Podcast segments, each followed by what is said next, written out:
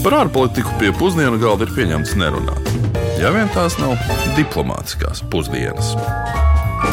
Labdien, diplomātskajās pusdienās! Un šodien mēs ar jums, klausītāji, kā ierasts, dosimies uz vienu no pasaules valstīm, un kā solījām, šoreiz dosimies uz transkontinentālu valsti. Nu, kādu laiku neesam bijuši Latvijā, Amerikā, un tur esošo valstu saraksts jau mums sāk valstu skaita ziņā aptrūkties, tādēļ baudīsim to, ko mēs jau varam. Jā, dosimies mēs uz valsti, kur atrodas vienīgā vieta uz planētas, kur saulēktu var redzēt Klusajā okeānā un saulrietu Atlantijas okeānā. Nu, tā, ja jūs iedomājaties, tad tas būtu otrādi nekā tradicionāli liekas. Un izdarīt to var Baru vulkāna virsotnē. Nu, es ceru, ka izdevās ieintriģēt. Dosimies uz valsti ar saudabīgu nosaukumu Panama, jeb oficiāli Panamas republika. Saudabīgi, jo Panama daudziem var asociēties ar Panamas cepuri, kas ir tradicionāli Ekvadoras izcelsmes salmu cepuri ar malām. Un mīts, eh, ka tas ir no Panamas, iespējams, ir saistīts ar faktu, ka tas bija ļoti populārs starp amerikāņiem, kuri zelta drudža laikā šķērsoja zemes šaurumu, lai sasniegtu Kaliforniju. Bet eh, vienlaicīgi arī 1904. gadā ASV prezidents Teodors Rūzvelts tika nofotografēts ar tādu cepuru galvā kad viņš apmeklēja Panamas kanāla būvlokumu. Šobrīd valstī ir nepilnīgi 4 miljoni iedzīvotāju, un tie ir vairumā spāniski runājoši kristieši. Pēc rasu piedarības divas trešdaļas ir metisi, un nedaudz vairāk par 12% ir Amerikas pamatiedzīvotāji. Starp citu, Panamas pirmie iedzīvotāji tiek datēti aptuveni pirms 4000 gadu. Bet eh, ko tad par Panamu zina sacīt mūsu iedzīvotāji?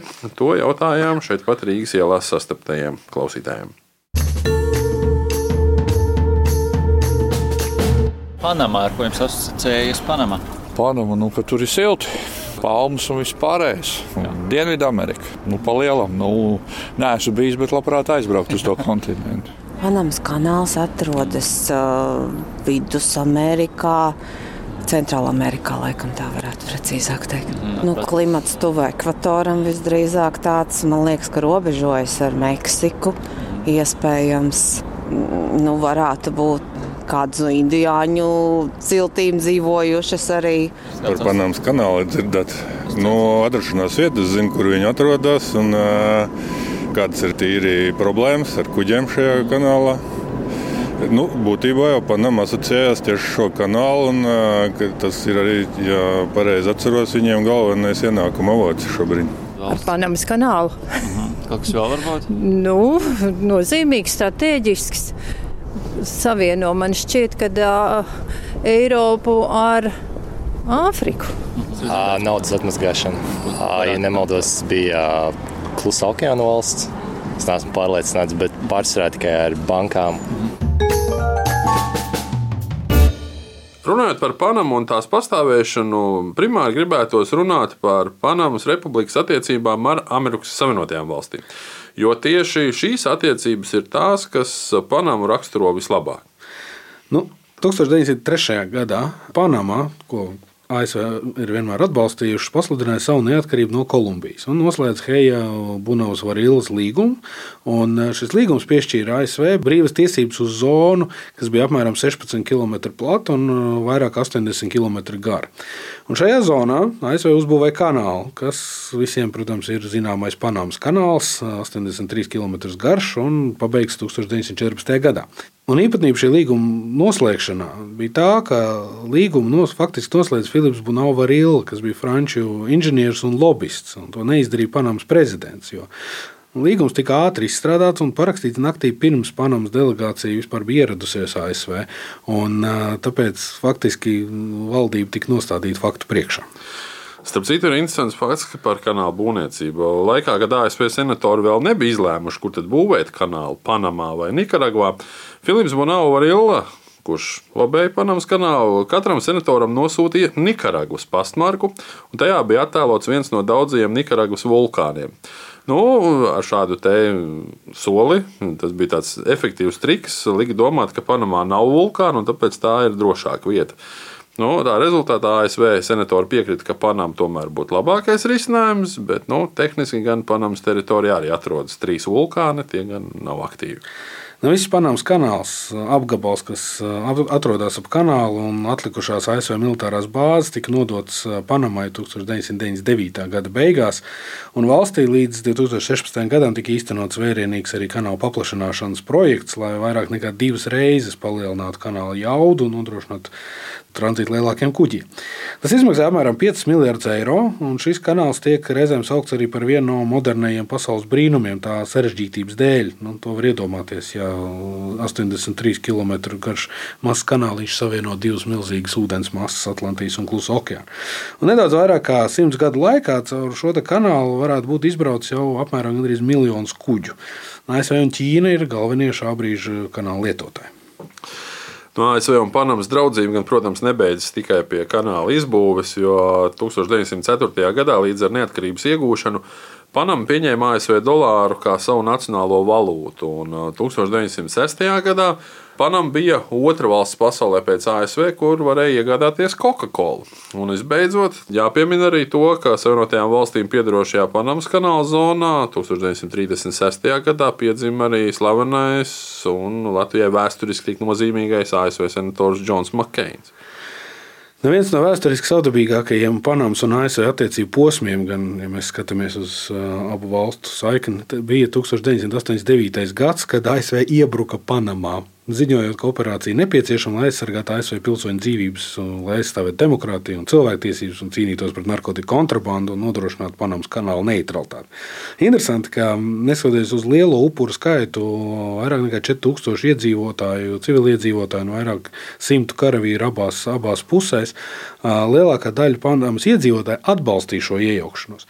Un tas tādēļ, ka valstī no 1983. līdz 89. gadam pastāvēja Manuela Noriegas militāra militārā diktatūra, kur valsts un viņa personīgo ienākumu pamatā bija no narkotikām un naudas atmazgāšanas gūtie līdzekļi. Un šeit atkal kāda vēsturiska nianse no Riegas savas valdīšanas laikā bija pazīstams arī ar vairāku simtu cilvēku nogalināšanu un spīdzināšanu. Arī disidenti bija spiest doties uh, trimdā.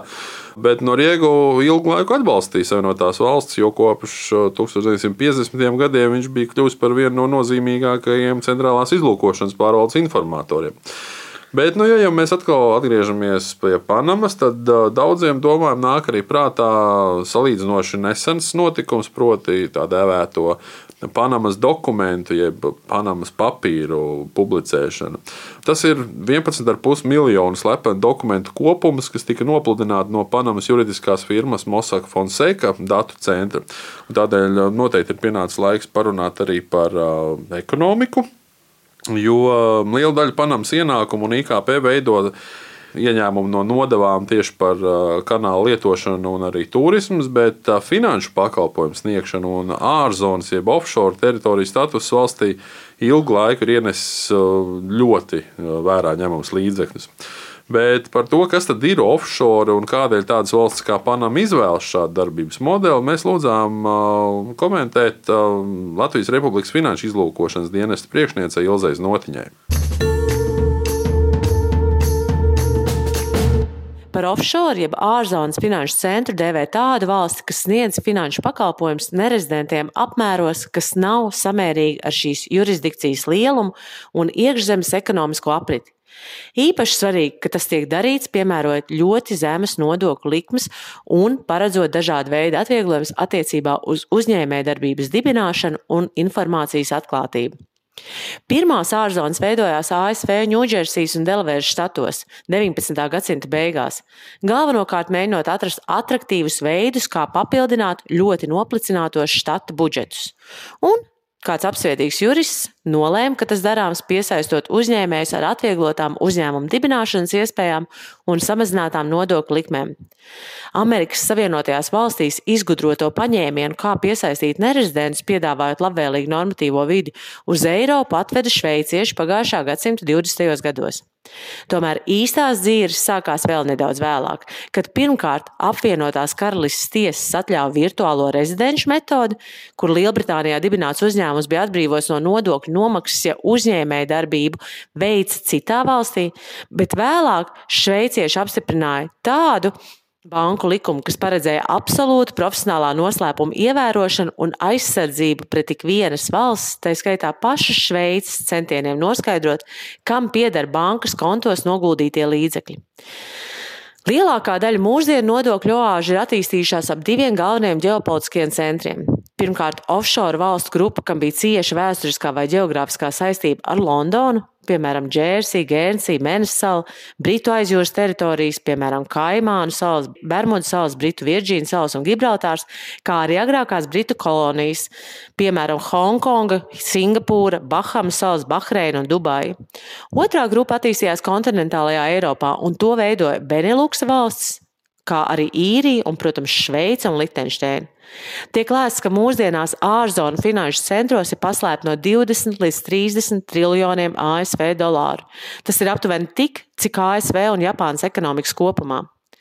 Panamas kā nodokļu paradīzes vēsture sākās pirms vairāk kā simts gadiem, kad tā sāka zem savu karoga reģistrēt ASV kuģus, lai palīdzētu tiem izvairīties no ASV nodokļu, darbinieku aizsardzības un alkohola ierobežojumu likumiem. Vairāki notikumi nostiprinājuši Panamas slavu kā rietumu puslodes narkotiku tranzītu un naudas atmazgāšanas centru.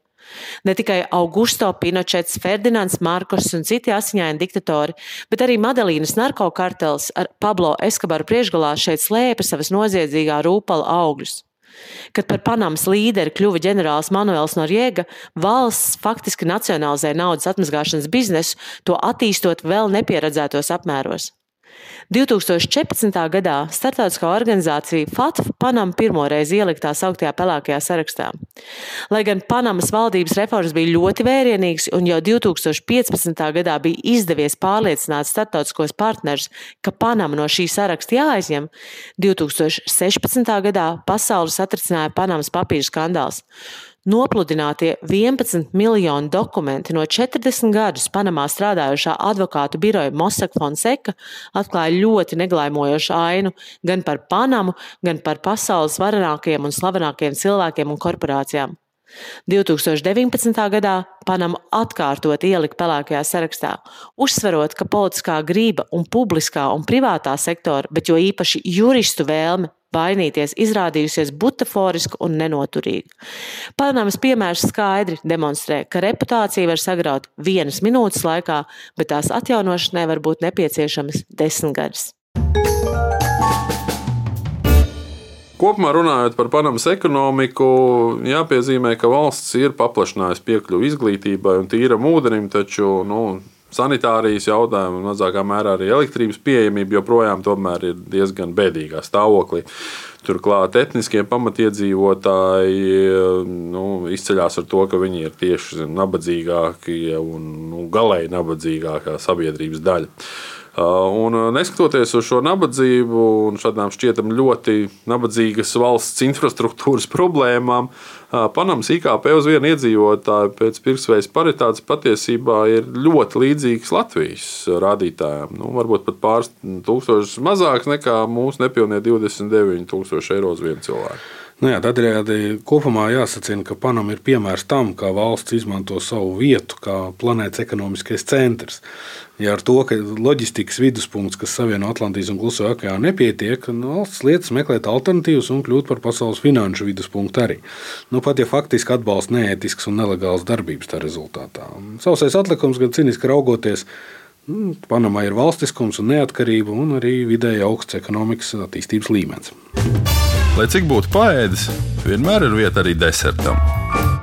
Un šodien desertā parunāsim par ko īpašu, kas, eh, es pieļauju, lielākajai daļai mūsu klausītāji pilnīgi noteikti neasociēsies ar Panamu. mēs runāsim Vismaz sākumā ne. Jā, mēs runāsim par Mērfija likumu. Iemesls tam ir ļoti vienkāršs. Edvards Mērfijs, kurš vislabāk pazīstams ar Mērfija likumiem, kurā ir teikts, ka nu, viss, kas var noiet greizi, noies greizi, arī ir dzimis šajā Panamas kanāla zonā. Nu, jā, vēsturiskais stāsts šim Mērfija likumam ir sekojošs. Edvards Mērfijs bija ASV gaisa spēka kapteinis un 1949. gadā dienējot gaisa spēku bāzē, piedalījās eksperimentālā projektā, kura uzdevums bija noskaidrot maksimālo pārslodzes līmeni, ko cilvēku organisms varētu izturēt. Vienā no eksperimenta rīkotajām dienām, vienā no eksperimenta dienām, Edvards Mērfijs atklāja kritisku kļūdu aprīkojumā, ko bija pieļāvis viens no tehniķiem. Un viņa Un es saku, tehniķim izsakot frāzi, Tā kļuva par Mērfija likuma prototypu. Un tā frāze bija, ja ir kāds veids, kā to izdarīt nepareizi, tas tehniķis noteikti to atradīs. If there is any way uh, to do it wrong, he will find it. Angliski. Un cita frāzes versija gan esot bijusi, jo, protams, ka neviens jau diktafonā to neierakstīja. Cits frāzes versija bija, ka, ja ir divi veidi, kā kaut ko izdarīt, un viens no šiem veidiem izraisīs katastrofu, viņš to, to darīs noteikti šādi. If there are two ways to do something, and one of those ways will result in a disaster, he will do that way. Un pateicoties šai Edvarda Mērfija loģikai, eksperimentu komandai izdevās izvairīties no daudziem negadījumiem un arī nepatikšanām. Un ar preses palīdzību šī izteiciena un pieeja kļuva visnotaļ populāra. Un jāsaka arī, ka drīz pēc tam arī sāka parādīties ar vienu jaunu Mērfija likumu, kuriem vairs gan nebija nekādas saistības ne ar pašu kapteini Mērfiju, ne ar gaisa spēku projektiem, un ne pat ar tehniku vispārībā. Nu, tā parādījās, piemēram, viss notiks nepareizi, ja Mērfijs pats būs klātesošs, vai viss, kas var noiet greizi, noies greizi, kamēr Mērfijs būs ārpus pilsētas. Nu, tikmēr kāds bija izdomājis arī Mērfija likuma optimistisko pielietojumu, proti, viss, kas var notikt pareizi, notiks pareizi. Jā, ar citu Kristofera Nolana filmā Interstellar, laikam, starp zvaigznēm viņa tulkojās, arī ir ietverta alternatīva tāda optimistiska Mērfija likuma interpretācija. Protams, Meķu Makonahija varonis savai meitai Mērfai saka, ka Mērfija likums nenozīmē, ka notiks kaut kas slikts. Tas nozīmē, ka viss, kas var notikt, notiks. Nu, kopumā ir daudzas citas situācijas, kurās var viegli piemērot Mērfija likumu, lai atgūtu kontroli. Nu, piemēram, nākamreiz, kad jūs, darbie klausītāji, kaut ko pazaudēsiet, nu, sagaidiet, ka to atradīsiet nu, tiešām pēdējā vietā, kur jūs meklējat, un kur jūs nekad viņu neliekat. Tas ir arī pārbaudīts no, no dzīves, es domāju. Bet ar šo iedrošinājumu laiks noslēgt mūsu šīs dienas raidījumu, un nākamā nedēļā mēs jau tiksimies atkal šeit pat Eiropā. Atgādināšu vēl tikai, ka mūsu raidījums ir klausāms um, ierakstā Latvijas Rādio 1 mājaslapā un arī podkāstos jūsu iecienītajos mūzikas straumēšanas uh, rīkos. Šo raidījumu veidoja dr. Kārlis Bukovskis un Uģis Lībijams, bet palīdzēja to veidot Aleksandra Palkova un Rihards Plūme. Uz sadzirdēšanos! Lai izdodas! Diplomātiskās pusdienas katru otrdienu pusdienos Latvijas Radio 1.